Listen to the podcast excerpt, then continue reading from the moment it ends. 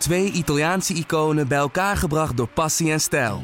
Peroni Nastro Azzurro 0.0 is de trotse nieuwe teampartner van Scuderia Ferrari. Doe mee met ons en de meest gepassioneerde fans op het circuit, de Tifosi. Samen volgen we het raceseizoen van 2024. Salute, Tifosi! Dit programma wordt mede mogelijk gemaakt door Toto. Dit is de Formule 1-podcast van De Telegraaf. Erik van Haren en Christian Albers praten hierbij over het belangrijkste Formule 1-nieuws. Ja, Chris, goed dat je er bent. En jullie, uh, leuk dat jullie weer luisteren. Wanneer je dit ook uh, luistert, dat is het voordeel van de podcast. Dat kan op elk moment van de dag. Chris, uh, waar ik... waar... Is, dit, is dit een commercial? ja, dat lijkt wel zo. Elk moment van de dag kunt u, kunt u luisteren. Ja, wel, feitelijk is dat niet onjuist. Maar um, ik deed er bijna zo'n radio, bijna zo'n radiostem bij. Maar ik vroeg me bij jou af of je veel reacties hebt gekregen op je nieuwe koep. Want je zat natuurlijk bij Viaplay, maar het was hier het gesprek van de dag, kan ik je vertellen. Het ligt, het ligt, het ligt eraan aan wie het vraagt. Als je dan uh, headquarter, hoofdkwartier vraagt, die zegt dan, mm, ja, zo. Okay. En, maar een ander zegt, ja, het ziet er heel leuk uit. Je ziet er wat jonger uit. Dan moet ik eerlijk dat zeggen. vond ik ook, ja. Af. Ja, echt waar? Ja, maar ik, zat dus, ik was dus niet op Silverstone, ik zat thuis. Maar dan krijg je in één keer mee waar vrouwen, die zitten allemaal, dan gaat het over het kapsel van jou, dan weer over het kapsel van Lando Norris. Maar mijn vriendin was niet zo te spreken over je nieuwe koep. Die zei, die vond het een beetje, en dan citeer ik, een kinderkuif. Uh, en ze nee. is natuurlijk wel wat kuif uh, gewend hè, in haar leven. En, nee, uh, en toen ging ze gisteren voor de race ging ze nog even videobellen met de moeders, mijn schoonmoeder. En die vond jou er sexy uitzien. Ook dat citeer ik. Maar ja, dat is natuurlijk wel een beetje jouw leeftijdscategorie uh, inmiddels. Dus dat is misschien ja, wel goed om dus te horen. Ik weet nog niet of dat nou echt heel positief is. echt heel gemeen. Nee. Leg jij die kijkers even uit waarom jij nou per se om drie uur weg moet. Waardoor we dus eigenlijk maar 50 minuten voor de podcast Nou, maar 50 minuten. En een podcast dat doen we altijd 50 minuten. Dus we ja, hebben nee, geen, leg, geen haast. Maar jij, uit, en dit gaat uit. allemaal weer van jouw tijd af, hè? Als je het weer over de start Wat belangrijk is, in de basentijd, hè, dames en heren. Nou, dames en heren en luisteraars, lieve luisteraars. In de basentijd komt hij. Om drie uur heeft hij een afspraak. Nou, dat heeft niks te maken met mij. Jij kon niet opnemen vanmorgen omdat je zo nog terug moest vliegen. Je was weer een kwartier te laat, net zoals vorige week. Waar ik weer uh, gezeik mee kreeg van de luisteraar, geel terecht, waarom we het zo afraffelde. Maar dan kwam omdat jij te laat was. Ondanks dat je zei dat ik te laat was. Um, maar. Jawel. Ik zei, we zouden het dinsdag doen. Jij kwam te laat. Ja, dinsdag. Maar, helemaal niet. even wat je om drie uur... Ik moet niks om drie uur doen, maar ik moet alles vol plannen hier thuis. Omdat ik op jou moet wachten. En om drie uur moet mijn vriendin nee. met de kat naar de kinder, of naar de kinderarts, ook de, naar de dierenarts. En ik, ik moet. Dat is het belangrijkste. En ik heb een dochter waar ik op moet letten. Dus ja, dat, dat zijn gewoon dat de. Dat is belangrijk. Dat is belangrijk. Het heeft niks met belangrijk te maken. Want die afspraak staat al een paar weken. En jij uh, verzet al je afspraken altijd. Dus niet te doen om met jou te werken. Nee, dat is niet waar. Dat, komt, dat heeft met dank aan wat vliegtuigmaatschappijen. Omdat ze ja, gewoon elke keer continu jou, wat aan de hand Het ligt altijd aan een ander. Je, kan ja. je, bent, je bent de Sergio Perez van het podcastland. Oh, dit is echt erg hard. Eén ding weet ik wel zeker. Is één iemand in het vliegtuig. Die is beter voorbereid dan wie dan ook. Uh, op dit uh, afgelopen weekend. Want ik heb allemaal aantekeningen daar laten liggen. Oh, oh. alleen dus, van de Formule 1 of staat er ook nog dus andere... Dus als we, als we een onbekend persoon zien op allemaal websites, allemaal interviews maken, YouTube-filmpjes. Nou, over al die worden. websites die Formule 1 allemaal, uh, ja dan, uh, dan heeft iemand er uh, ja, mooie aantekeningen bij. Oh, nou, dat kan onze collectors item worden. Goed, laten we het over de Grand Prix van uh, Groot-Brittannië hebben. Dat lijkt me veel belangrijker. Ja, um, ja ik, ik, had het net even voor de, toen we op jou aan het wachten waren met Hein, onze producer, over. Die vond het maar een saaie race. Alleen, ja, achter Verstappen, de, de winnaar, gebeurde er toch genoeg, dacht ik zo. Nou ja, en ik vond het eigenlijk helemaal geen saaie race. En, uh, Hein is eigenlijk wel een fijne kerel, maar ik vind het nou iets minder aan het worden. Nou, hij mag, uh, je mag je eigen mening hebben tegenwoordig, gelukkig, ook bij de Telegraaf. Maar um, nee, ik vond het wel een spannende race. Ik vond het een leuke race. Ik vond ja. het een mooi weekend. Um, het ja. had van alles wat. Uh, vrijdag bijvoorbeeld ja, dat stond uh, lijnrecht weer tegenover elkaar op zondag uh, op longruns. Hè. Ferrari die het heel goed deed en die uh, zondag ja, gewoon totaal niet presteerde. Ja. Ik, vond, ik vond die weersomstandigheden omstandigheden vond ik leuk. Weet je, toch Ja. een beetje dat, dat, dat, dat casino. En het maffe er was, van was ook van het weekend met televisie. Is dat we eigenlijk zoveel konden vertellen over ja, Q1. Maar dat we er natuurlijk geen tijd voor hadden. Omdat je dan naar Q2 gaat en dan, en dan de laatste. Ehm, Dus dat, dat was wel een beetje jammer, want ja, er gebeurde zoveel in Q1. En het was ook natuurlijk gewoon echt timing en wanneer je gaat pieken op die banden. Dus er zat eigenlijk ook wel gelukfactors in. Maar ook wel, het team speelde ook dan wel uh, 50% een rol. Hè? Wanneer je iemand naar buiten stuurt, wanneer iemand moet gaan aanzetten. Uh, ik vond het een heel mooi weekend. Ja, het was natuurlijk vrijdag ook een stuk warmer. Zaterdag had je natuurlijk veel regen, of in ieder geval af en toe regen. Zondag ook nog wat kans op regen. Toen was het weer het koeler dan, dan vrijdag. Denk je dat dat het probleem bij Ferrari met name was? Dat die omstandigheden toch anders waren? Want, ja, omdat die longruns er dan vrijdag beter uitzagen. Ja, 100%. Je merkt gewoon dat bij Ferrari het gewoon veel beter voor elkaar heeft als de temperaturen wat warmer zijn. dat die banden beter werken. We hebben nu gezien dat als het wat kouder is, en vooral ook in, um, in Silverstone, omdat het zo'n open vlakte is, uh, waar het zo waait, uh, waar de coureurs ten eerste ook last van hebben van de downforce. Hè. Je komt elke keer bij een bocht aan, je weet niet wat je kan verwachten. Je kan overstuur krijgen, onderstuur krijgen. Um, het ligt er net aan van, hè, of die vanaf de zijkant komt, of de achterkant, of de voorkant van de auto, de wind. En die wind zorgt er ook voor natuurlijk dat er, ja, dat er veel koude lucht natuurlijk uh, wordt geplaatst, waardoor die banden ook wel wat, weer wat sneller afkoelen. Nou is daar minder, heel, minder last van, maar je merkt gewoon door de temperatuur en al die factoren, ja, dat, uh, dat Ferrari daar wel het meeste last van had van, uh, van, de, van deze race. Ja, ja, het is misschien niet eens meer verbazingwekkend, maar Verstappen won natuurlijk de zesde keer op rij alweer. Maar hij was toch wel kritisch hè, na afloop. Um, dat is natuurlijk wel een beetje tekenend voor hem. Hij, hij zoekt altijd de perfectie op. Maar hij was, ja, de start noemde die. Hè, die was natuurlijk ook dramatisch. Uh, nou, de, de, de, laatste stint dat ze kozen voor de, voor de zachte band en niet voor de harde band. Uh, laten we eens met de start beginnen. Want uh, dat hij slecht wegkwam, dat uh, was wel duidelijk. Maar hoe keek jij ernaar? Ja, in Oostenrijk had hij ook niet een fantastische start. Maar niet zo slecht als dat hij hem nu had. vond ik persoonlijk. Um, dus hij kwam slecht weg, wat ook wel weer een beetje voor sensatie zorgde. Ik vond dat gewoon, ja, Norris, die had natuurlijk gewoon een goede start. Piastri had een bom van een, van een start. Je merkte dat Piastri nog een beetje voorzichtig was naast Max Verstappen. Echt een beetje dat rookie, hè, van oké, weet je, ik, ik, heb nu zo'n goede positie. Hoe vaak gaat dit nog in het seizoen voorkomen? laat ik niet te veel risico nemen. Terwijl ook Silverstone een circuit is, waar de eerste ja, zeg maar zes, zeven bochten, daar echt het gevecht aan kan gaan met de start. Hè. Daarna gaat iedereen wel zo'n positie krijgen en dan, en dan heb je toch die high-speed corners, hè, die hoge snelheidsbochten. Ja, dan verlies je downforce achter elkaar en dan krijg je ook ruimte in het veld. Maar tot en met bocht 6, 7, daar kan, daar kan je gewoon continu blijven vechten. Hè. De ene heeft wat meer temperatuur in de banden, de andere wat minder. Hè. Je, je, hebt wat mogelijkheden. De ene is wat agressiever met de start, de andere moet, heeft nog een beetje zo'n slaapgevoel. Dus dat is mooi om te zien ja, je zag gewoon dat Max gewoon uh, daar het gas erop hield in bocht 1. Dat kan ook makkelijk, want je hebt de ruimte daar ook. Piastri ging liften, merkte gelijk dat hij zijn momentum miste.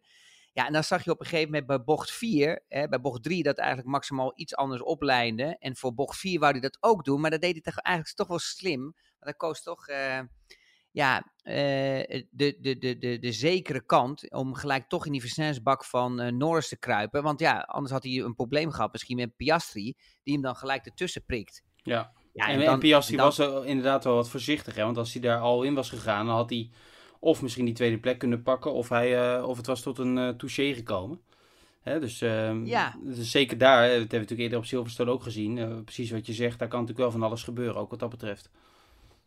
Ja, en je merkt wat je ook merkt is natuurlijk, weet je, het is natuurlijk niet ook zomaar een coureur um, die voorbij gaat. Hè? Het is wel Max Verstappen. En die heeft natuurlijk nog steeds een beetje dat charisma om hem heen, dat hij onvoorspelbaar is. En dat ze daarom toch ook wel een beetje bangig zijn van hè, dat, hij, dat hij niet zomaar opgeeft. En uh, ik denk dat hij het een goede keuze is, want zij, uh, McLaren had meer te verliezen als dat Red Bull had.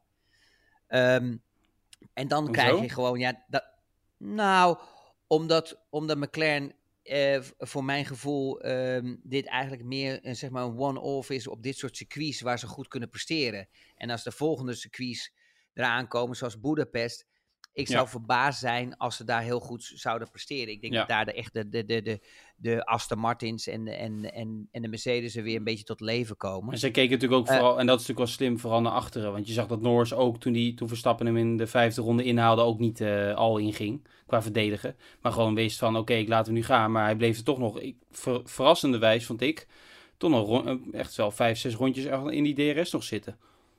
Ja, en je merkte dat dat, had, dat had hij ook nodig om erbij te blijven. Ja, en op een gegeven moment toen die DRS uh, ja, gebroken werd eigenlijk, hè, die, die afstand te groot werd, merkte je dat, die, dat, dat Max wel gewoon op een gegeven moment uh, die stappen kon maken. En dan kon hij ook halverwege echt ook in één keer 5, 6 tiende weglopen. Maar, maar, zeg ik nog eens een keer erbij, Max was minder oppermachtig als de races daarvoor.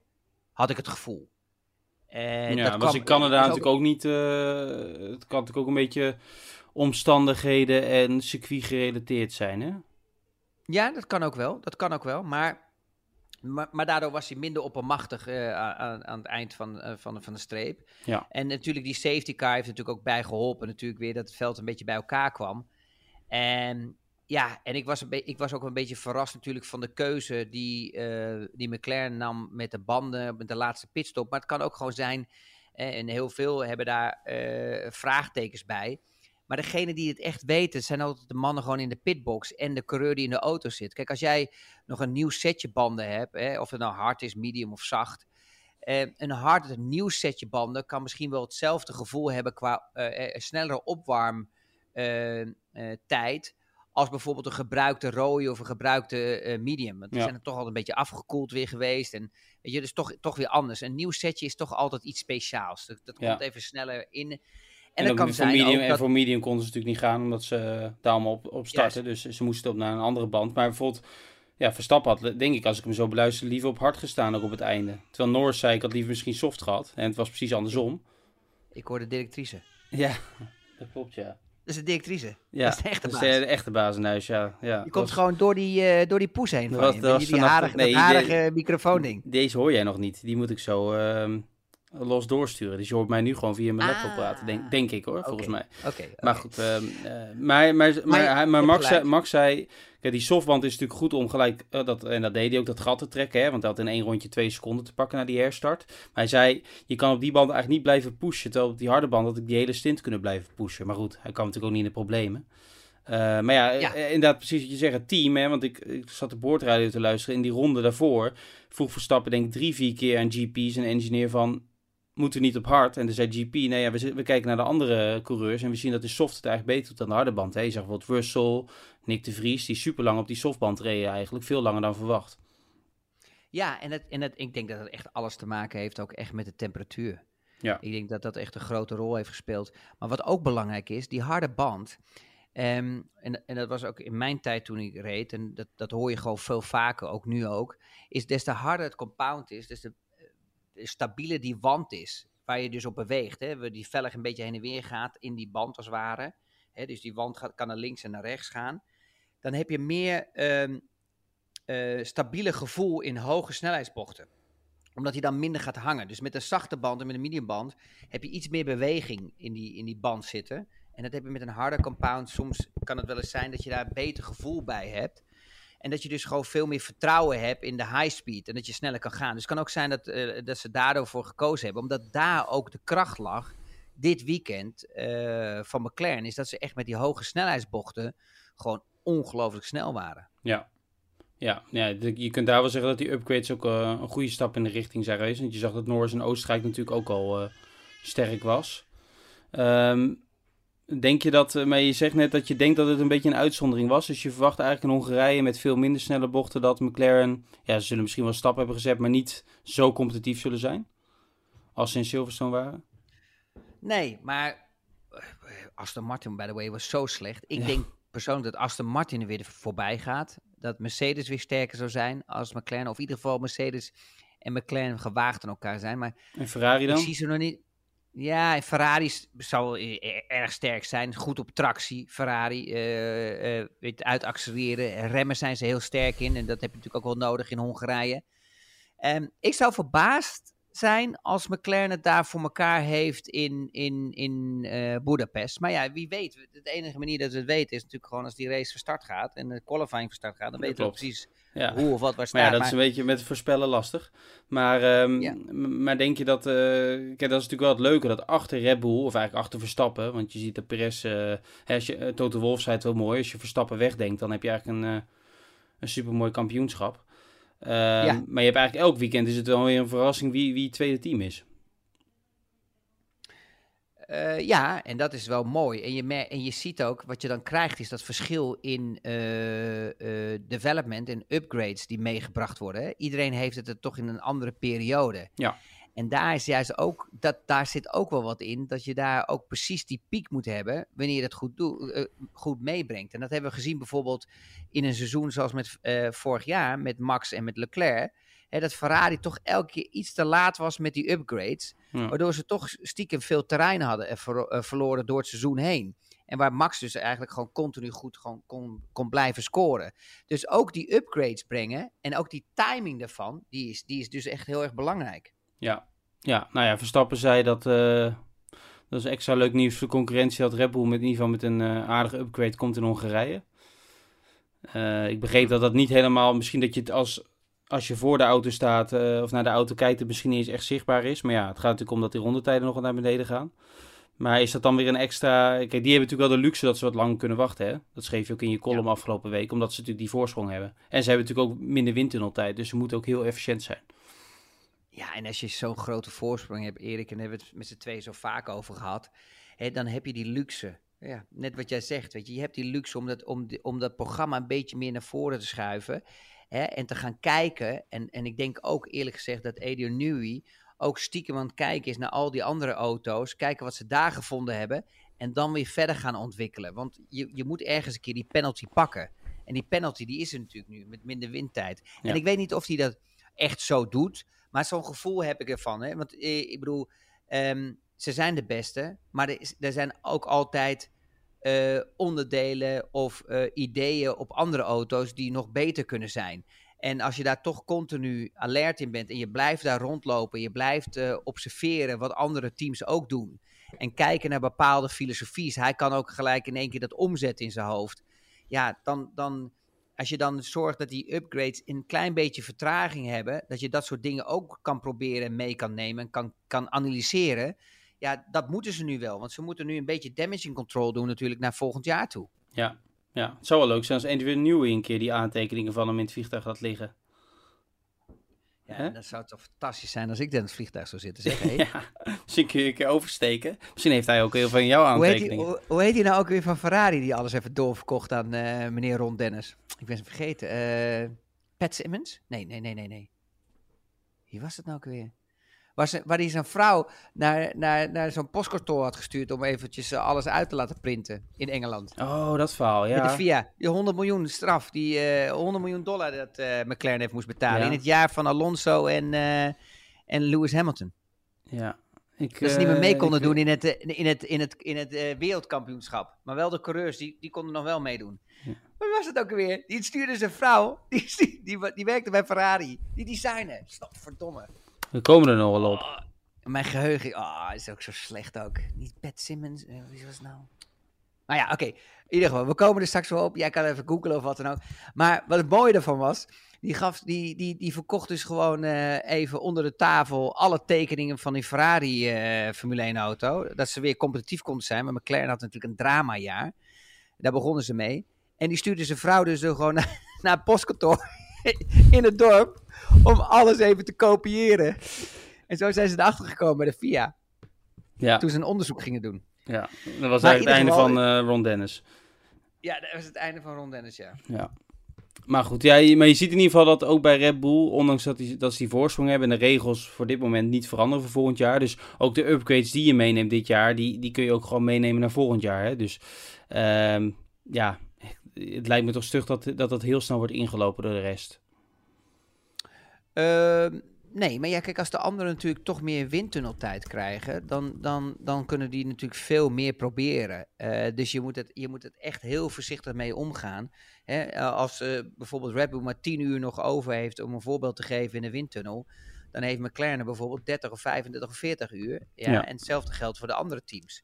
Dus linksom of rechtsom, die 10 uur, die wil je zo goed mogelijk invullen. En dan wil je zo, zo, zoveel mogelijk informatie natuurlijk uh, opzuigen. Wat je ziet uh, rondom op de grid en bij andere auto's. Ja, en daarvoor hebben ze natuurlijk ook al die, uh, die, die, die spionagefotografen rondlopen.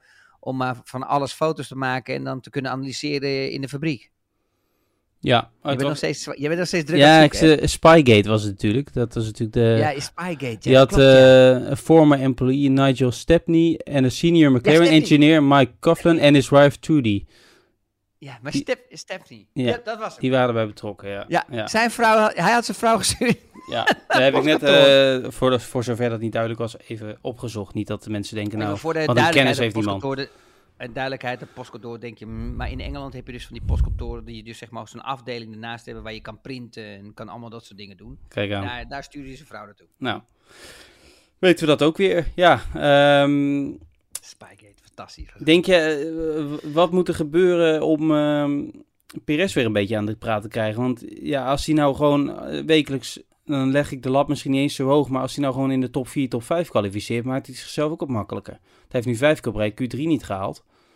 Ja, Ja.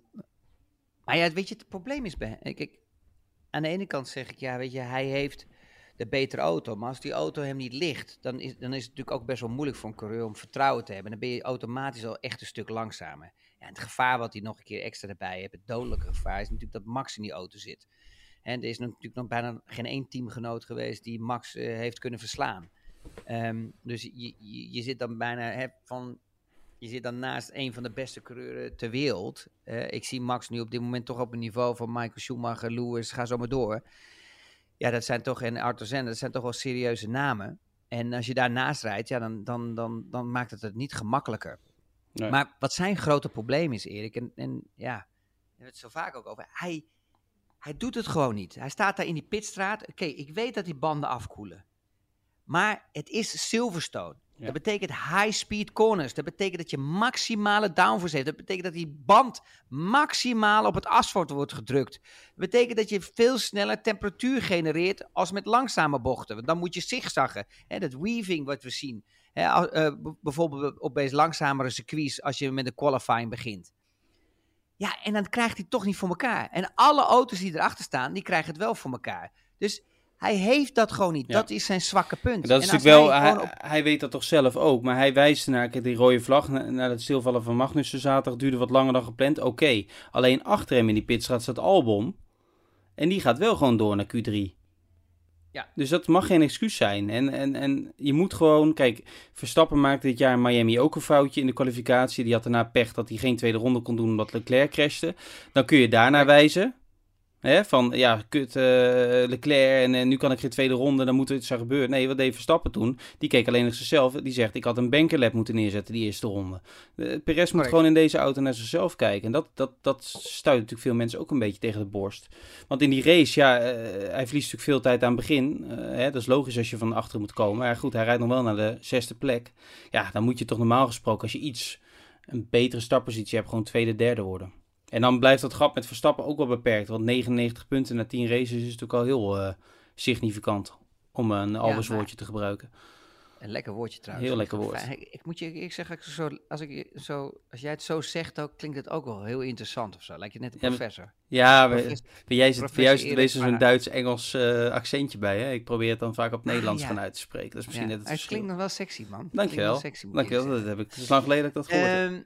Om even terug te komen trouwens, dat kapsel wat korter is voor mij. Jouw vriendin vond dat niet leuker, maar wat vindt ze dan van jouw kapsel? Want ik, volgens mij is dat voor jou niet echt een stuk langer. Nee, vind- bij mij vindt ze het echt leuk. Maar mij zit er iets meer swing in misschien. eh, dat ik het iets meer rock and roll Ah, achter draai. Kan ook door een gebrek aan slaap komen. Nederlands? Swung? Swing is, eh, ja, dat is een Jij Nederlands woord, ik swung, jij swungt, wij hebben gezwongd. Ja, maar goed, en even, ik wil nog... Uh, Perez. ja, eh, ga door. Perez.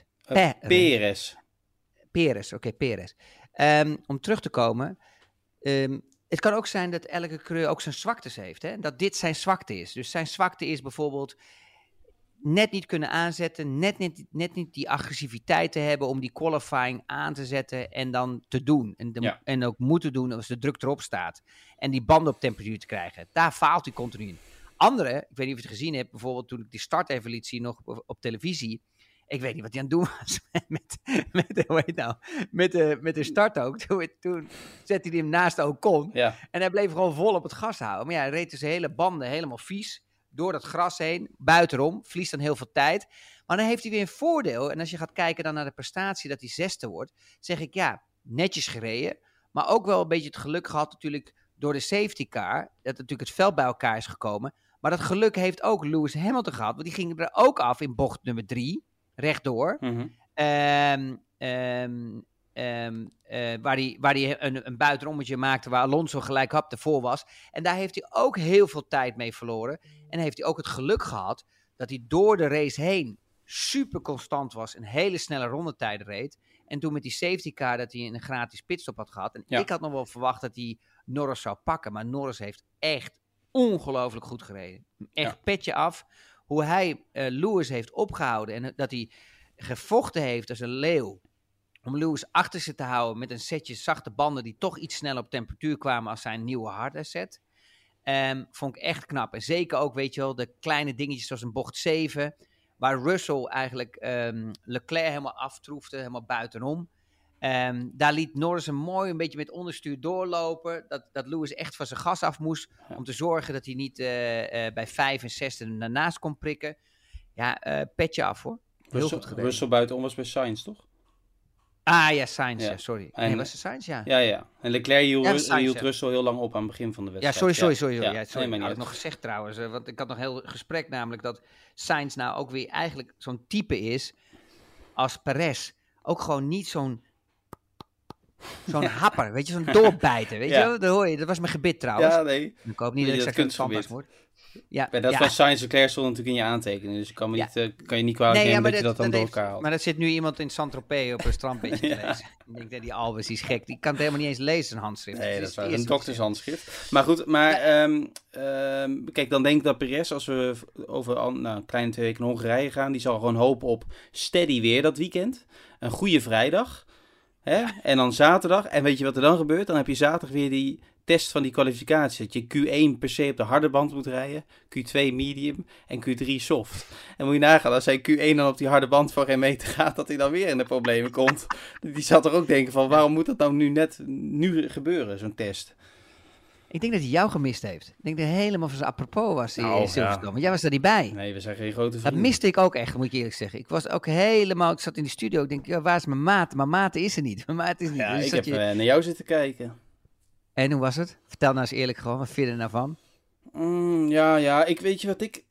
Op zich, ik dacht dat die voorbeschouwingen langer duurden, maar het is eh, een uurtje en met de kwalificatie maar een half uurtje vind ik ook lang zat. Alleen, eh, jullie hadden eigenlijk niet zoveel airtime, want eh, er zaten allemaal items tussendoor van de historie en zo. Dat, ja, dat is puur persoonlijk, dat boeit mij niet zoveel. Ik vond dat item van Coronel wel heel leuk. Ik denk dat de mensen dat echt leuk vinden. Gewoon met die G-krachten Ja, om te laten zien. En- dat is toch leuk om te ik zien? wel. Ja, nee, ik, ik had nog leuker gevonden als jij erin had gezeten. Ja, nee, nee, nee, maar dat heb ik vroeger gedaan. Ja, Vroeger, maar ja, dus niet op de 2005, beeld van de mensen 2007. nu op deze leeftijd. Maar ik vond het wel leuk, want hij, hij praat natuurlijk altijd mee aan die desk. En het is natuurlijk allemaal 4, 5G, zo dit en dat. Maar zag je met 2G, die, die kaak, die was wel helemaal. Nou, was, bij, was, was niet bij 3G. 2G, was wel Ik moest meer. zo lachen. Ik Ja. moet hem straks even bellen. Ik moest zo lachen. Ik kon Ja. mijn lach niet meer inhouden. En, en daarna kwamen we terug in de studio. Toen moest ik echt mijn lach inhouden. Ja, nou ja, nee maar, eh, nee, maar verder vond ik het, eh, ik vond het niet verkeerd. Maar ik zit veel tegelijkertijd te doen, want ik zit op eh, timing, eh, boordradio, daarna persconferentie te kijken. Dus ehm, ik ben liever aanwezig, maar af en toe eentje overslaan, dat vinden ze thuis ook wel fijn. Maar, en thuis kun je tegenwoordig kun je bijna alles ook zien, hè. Dus ehm, alleen je mist een beetje... Als je in de paddock loopt en je loopt iemand tegen het lijf, dan hoor je vaak leuke informatie. Hè? En dat is, a- op afstand kun je ook wel mensen bereiken en eh, appen en bellen. Alleen is het toch net iets anders.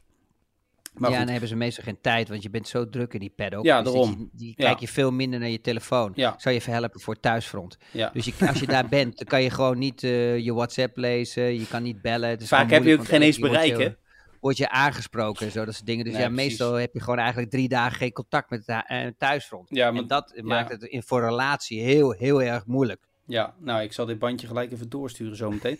Ehm ja, ik maakte, ik, maakte, ik, ik, maakte gisteren ook de beginnersfout. eh, Maar, door- de- ik nee, nee, nee, nee, want ik, zou- ik zou Japan wilde ik overslaan dit jaar. Alleen ik zat zo'n beetje naar die kalender te kijken. Ik denk, oh, als het zo doorgaat, dan kan Verstappen als kampioen in Japan. Die had ik Oh, misschien shit. beter wat later in kunnen gooien. Want je hebt Singapore, Alweer? Japan. Ja, maar ik denk dat ik dan Singapore overslaan dan Japan doe. Ik denk dat ik, want Singapore is wel heel vroeg. Want eh, dan moet je wel heel ver voor staan. Maar het kan ook later gebeuren hoor. Ik denk dat het. Hij altijd zo'n nat eh, shirt ook altijd aan in Singapore. Dat is ook zo... on- ja, ik ben niet zo, ik, zweet niet zo snel. niet, nou, wel, maar Nee. niet zo snel alleen als die jij. kuif, Dat- die gaat altijd, alleen die- die kuif gaat liggen. Ja, die dan wordt hij een beetje jouw niveau, ja. Maar even, Perez... Ja, nee, vertel. En ik ben, al, ik ben al half uur bezig om iets vrij. Ja. Toen je nou dit weekend thuis zat, op de bank. Ik zat niet op Wordt er iets voor je ingeschonken? Wordt er een zakje, een beetje nootjes neergezet voor je, dat soort dingen. Dus is ze blij dat je er bent? Absoluut, absoluut. We hebben echt een gezellig weekend gehad. Zaterdagavond hadden we lekker hapjes. En eh, na de kwalificatie toen ik klaar was met werken. En toen hebben we nog even buiten gezeten. Ja, nee, uh, relatietechnisch is een geweldig weekend. Bij ons buiten op dakterras. Heb je een dakterras?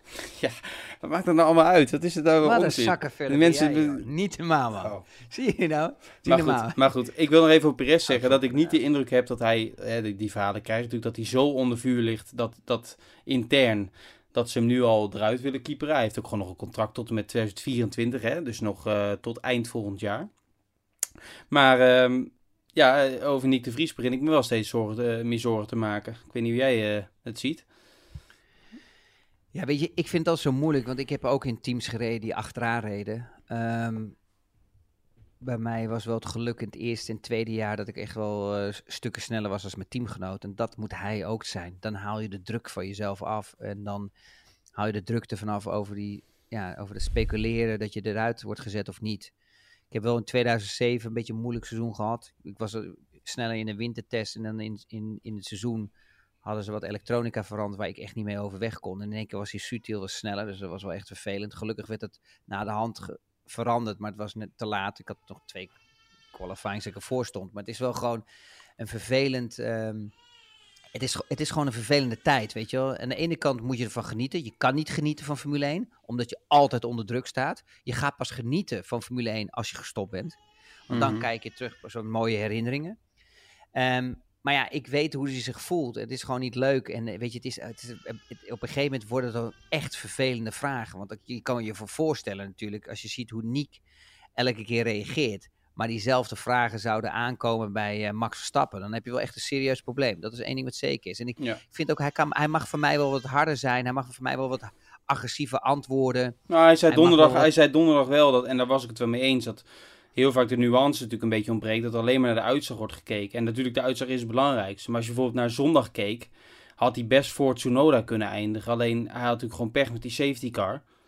He, want hij was vlak daarvoor naar binnen gegaan. Want hij, die eerste stint was echt niet zo slecht op die zachte band. En op het einde had hij problemen met de achterwielophanging. Dus ehm, kijk, en, en als mensen over twee weken naar de uitslag kijken, dan denken ze, nou, hij was laatste.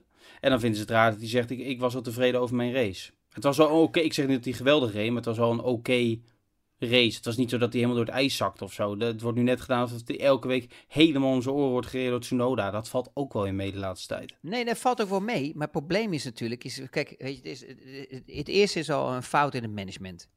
Kijk, er wordt gezegd natuurlijk dat hij het team gaat leiden. Eh, nou, dat, ja, dat wordt nu niet meer gezegd. dat werd gezegd. Nee, maar ja. dat ja, nou oké, maar dat was, dat was, daar begon het eerste probleem. Ja. het eerste probleem begon eigenlijk al in Monza.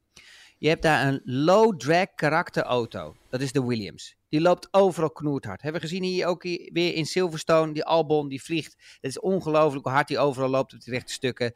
Die, dat, dat is de filosofie. Dezelfde filosofie is een beetje doorgewaaid. Ook van James Key. Die maakt ook altijd dat soort auto's. Dat zie je nu bij bijvoorbeeld bij McLaren. Hè, dat is nog een beetje doorvoer van, van James Key geweest.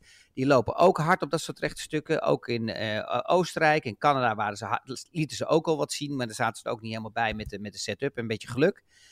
Maar als je dan gaat kijken, bijvoorbeeld in Monza, kon die Williams altijd één zachte compound rijden.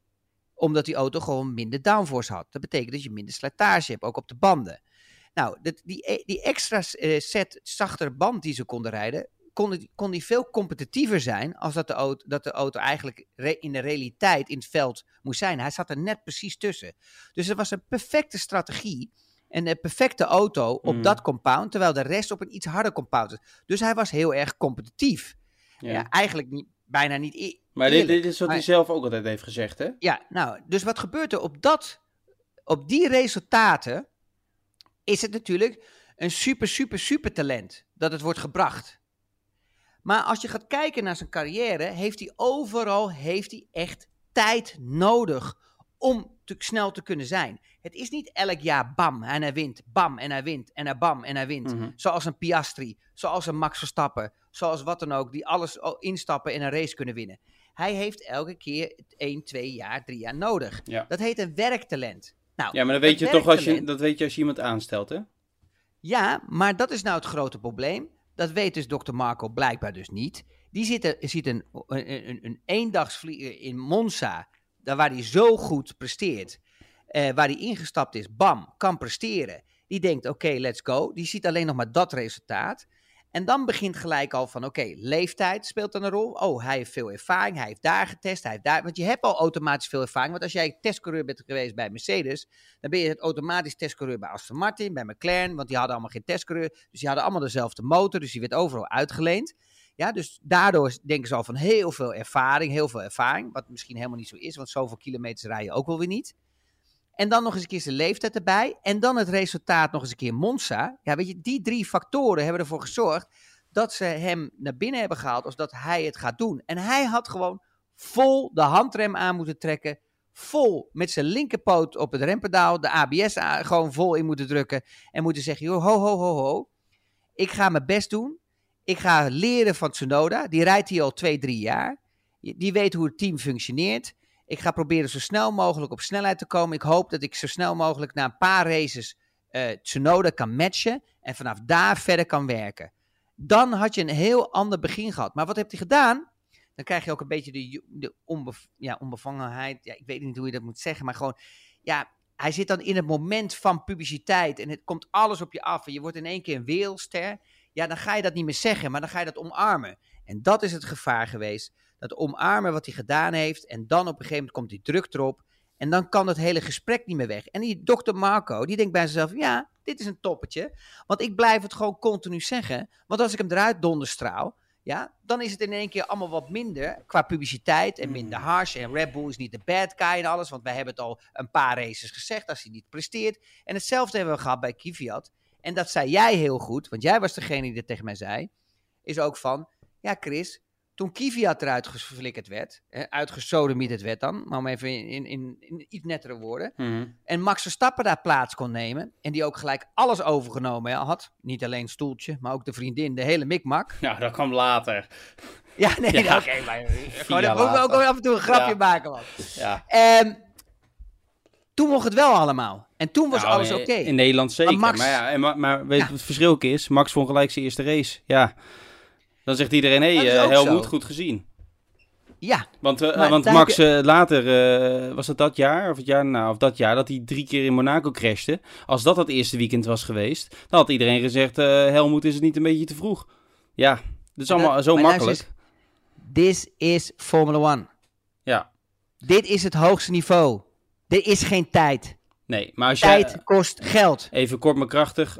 Als je de woorden van Helmut Marco in elk interview dat hij geeft analyseert, dan zal het me zeer verbazen als Nick de Vries het seizoen afmaakt. Uh, dat ben ik uh, helaas met je eens. Er zit alleen één maar. Eén maar aan.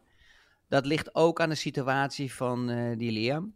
Hoe die verder... Nou, en er is ook nog een Australië die uh, heel graag wil. Ja, okay, Alleen die ligt, rijdt morgen. Het is een beetje aan hun seizoen. Het is nu maandag en uh, Ricciardo rijdt de hele dinsdag een bandentest in de, in de Red Bull. Uh, de Red Bull van dit jaar. En dan test hij de banden van Pirelli van volgend jaar zonder bandenwarmers.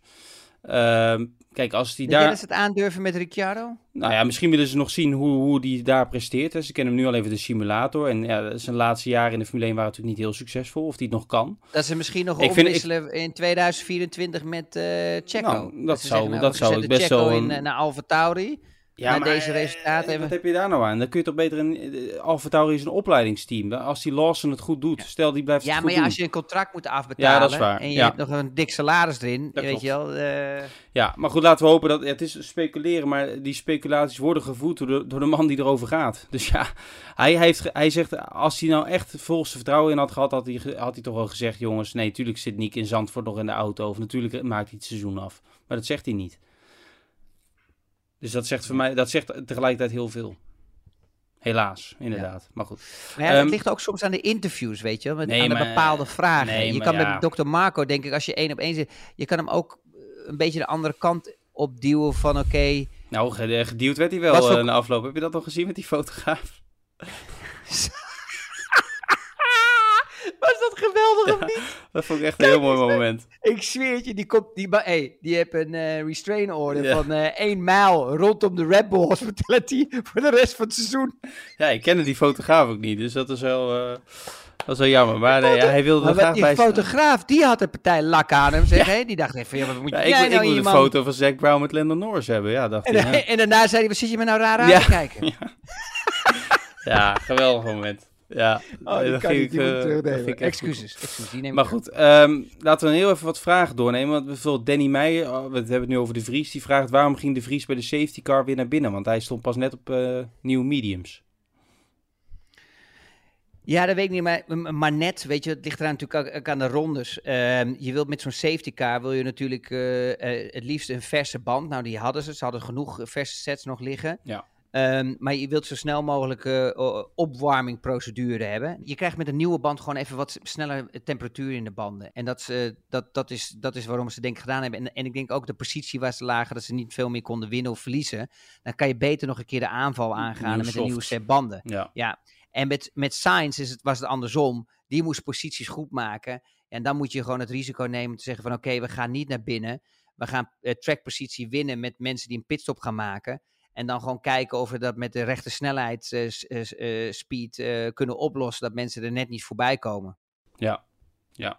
Uh, Meike die vraagt tijdens de kwalificatie baalde Norris toen hij hoorde dat de DRS gebruikt mocht worden, omdat Red Bull daar meer voordeel van zou hebben. Um, zij vraagt zich af, mag DRS niet altijd open tijdens de kwalificatie? En zo niet, wie bepaalt dan of die open mag of niet? En op welk moment wordt dat besloten?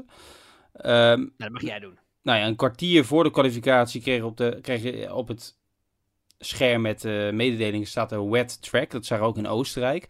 Dus dat komt van de wedstrijdleiding. En als, als dat wordt gegeven, een natte baan, hè, het was een opdrogend asfalt. Jij steekt twee duimen op, dus ik zit op het goede spoor. Dan mag DRS niet open. Alleen, ja, je hebt volgens mij iedereen alleen maar op uh, slicks die uh, kwalificatie. Toen voor Q3, zeg ik even uit mijn hoofd. Toen kwam er weer te staan dry track. Dus als dat signaal wordt gegeven door de wedstrijdleiding, dan mag, dan mag DRS wel gebruikt worden. Dus eigenlijk zo simpel is het. Ja, want bij natte omstandigheden wordt er geen DRS uh, gebruikt.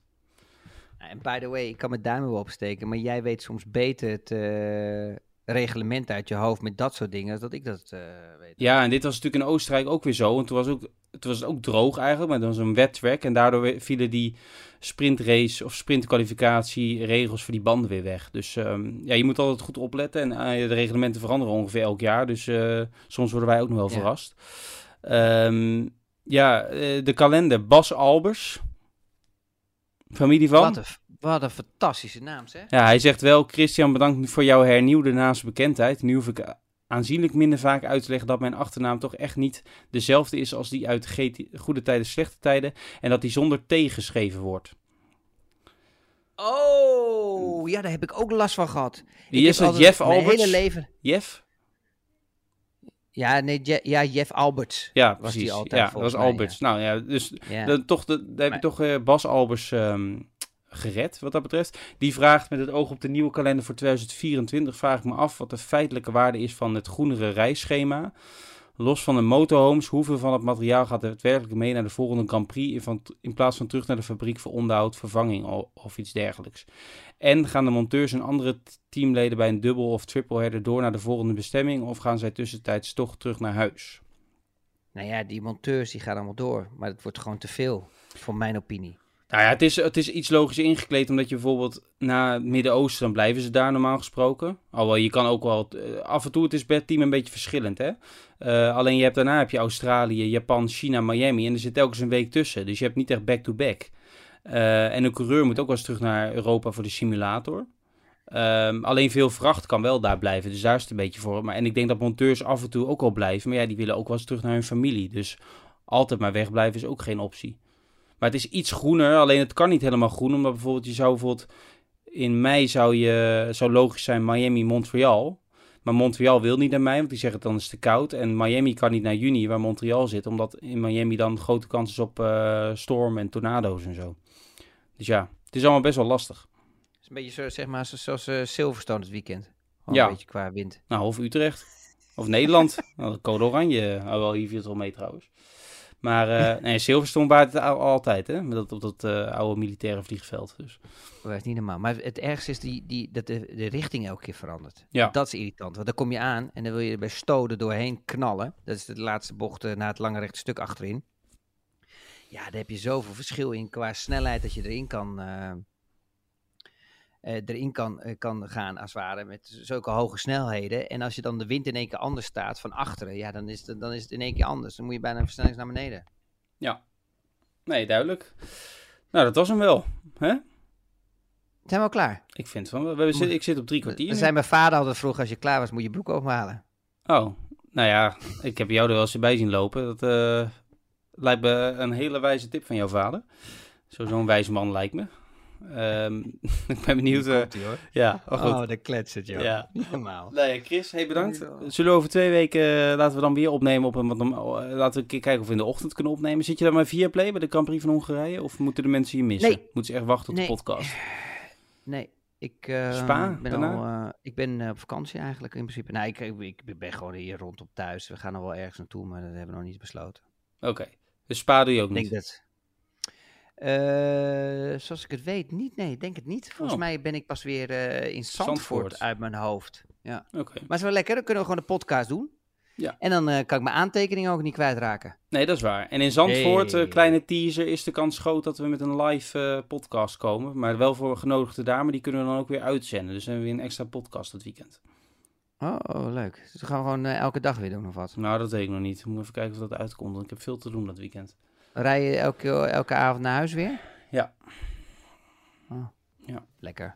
Maar veel dingen hoor, want uh, donderdagavond, uh, vrijdagavond heb ik al uh, andere verplichtingen ook daar. Dus het zijn Ja, wel feestjes, zijn ja. lange dagen nou, zeker Ja, niet je feestjes. drukke man. Nee, Ja, zeker weten. Red Bull feestje. nee, absoluut. Het is Ja, geen Monaco helaas. feestje. Chris, eh, bedankt voor je tijd. En eh, we zijn over het, eh, ja, jullie bedankt voor het luisteren en eh, voor alle onzin die je hebt gehoord. Maar ook eh, hopelijk voor wat leuke informatie en wat leuke gesprekstof. En we zijn er over eh, twee weken weer naar de Grand Prix op de Hungaroring in Budapest. Graag tot, eh, tot dan. Dit programma werd mede mogelijk gemaakt door Toto.